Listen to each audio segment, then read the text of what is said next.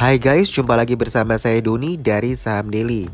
Kali ini kita review satu saham yaitu saham PT Barito Pacific Tbk dengan kode emitennya BRPT di mana BRPT ini bergerak dalam bidang bisnis kehutanan, perkebunan, pertambangan, industri, properti, perdagangan, energi terbarukan dan transportasi. Saham ini IPO date-nya tanggal 1 Oktober 1993 dengan harga penawaran saat itu di Rp7.200 rupiah per lembar saham. Untuk pemegang saham 71,13% dikuasai oleh Prajogo Pangestu, lalu 28,86% sisanya dikuasai dikuasai oleh publik. Kalau kalau kita lihat dari pergerakan volume perdagangan investor asing ya dari periode Juli 2018 hingga Juni 2019.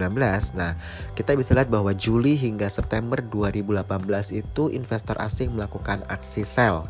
Sedangkan start Januari 2019 hingga Juni 2019 ini asing melakukan aksi buy ya. Nah, aksi buy paling tinggi kita lihat volumenya di bulan Mei 2019. Alasan kita review saham BRPT ini tidak lain karena permintaan teman-teman yang banyak sekali DM di Instagram kita, di Instagram Saham Daily. Jadi sekitar semingguan ini semua pada nanyain mengenai saham BRPT ya, sehingga ya udahlah kita uh, masukkan BRPT ke podcast kita.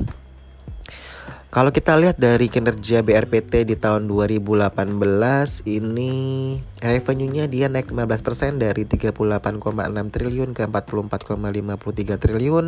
Net profit-nya turun 50% dari 2,08 triliun ke 1,04 triliun. Masih laba sih, cuman labanya turun begitu ya. Lalu untuk pernya dari 19,3 ke 64,2 Lalu PBV-nya dari sebentar 2,3 ke 3,9 Lalu DR-nya dari 3,28 ke 3,69 ROE-nya dari 12% ke 6% Untuk update terbaru di 2019 kita masuk ke Jumat kemarin ya 19 Juli 2019 di mana dia melakukan RUPS luar biasa ya di mana diputuskan uh, akan melakukan stock split dengan rasio stock splitnya adalah satu banding 5 Aksi corporate ini dilaksanakan agar uh, harganya makin terjangkau sehingga investor publik bisa memiliki saham ini lebih banyak lagi ya begitu. Uh, dengan mengingat bahwa uh, saham anak perusahaan induk yaitu PT Chandra Asri Petrochemical Tbk atau TPIA ini baru masuk ke indeks Morgan Stanley Capital International atau kita bilang indeks MSCI ya.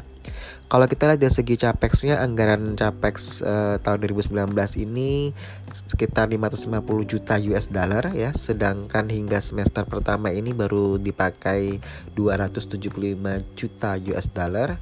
Nah, Proyek yang menggunakan CAPEX itu adalah pembangkit geotermal di Cilegon yang digarap oleh PT Indoraya Energi serta pembangunan pabrik polietilen ya yang baru digarap oleh PT Chandra Asri Petrochemical Tbk TPIA.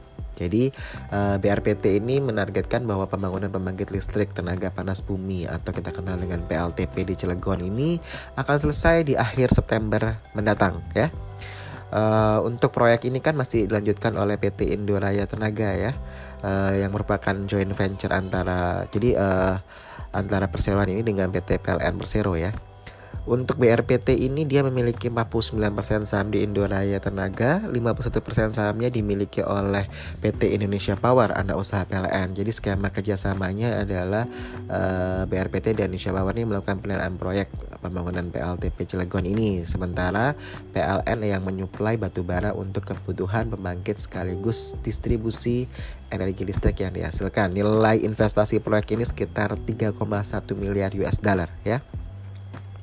Nah, kalau kita lihat bahwa dari segi pendapatan TPIA ini hingga akhir kuartal pertama tahun ini turun 20,58 persen ya e, menjadi 552,22 juta US dollar ya pada kuartal per, e, pertama tahun lalu itu TPIA mencapai pendapatan 695,28 juta US dollar. Jadi dari 695,28 juta US dollar dia turun menjadi 552,22 juta US eh, dollar ya.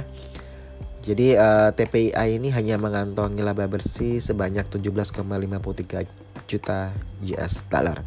Jadi TPIA ini kan dia merupakan uh, anak perusahaan dari BRPT ya. lalu kalau kita melihat outlook bisnisnya ya untuk pembangkit listrik geothermal ini memang uh, relatif stabil dibandingkan dengan uh, bisnis petrochemical ya di mana dipengaruhi oleh uh, kondisi global dan regional begitu ya. Sedangkan uh, untuk yang geothermal ini dia stabil sehingga itulah uh, BRPT ini optimis dengan proyek yang dikerjakan anak usahanya ini uh, dan di mana rencana PT Chandra Asia Petrochemical Tbk ini akan uh, ekspansi komplek pabrik kedua. Jadi itu juga akan tetap dilaksanakan. Jadi kalau kita melihat bahwa ekspansi yang dilakukan oleh BRPT melalui anak-anak usahanya ini ya seharusnya uh, ke depan revenue-nya juga uh, bagus ya seharusnya seperti itu jadi mungkin ini yang menjadikan teman-teman uh, bertanya-tanya selain isu dari uh, awalnya isu ya tapi sudah jadi keputusan yaitu mengenai stock splitnya begitu ya satu jadi uh, lima kalau kita perhatikan ya, sebentar kita buka data dulu, master data kita.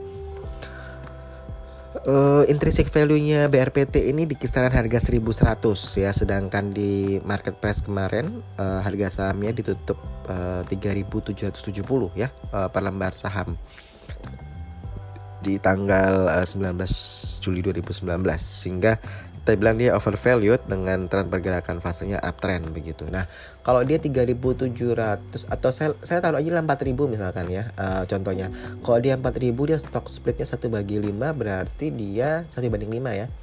Berarti sekitar 800 rupiah per lembar saham begitu. Nah, kalau dia di harga kisaran range ya, kita belum tahu dia nanti uh, stock splitnya kapan eksekusinya, uh, jam date-nya.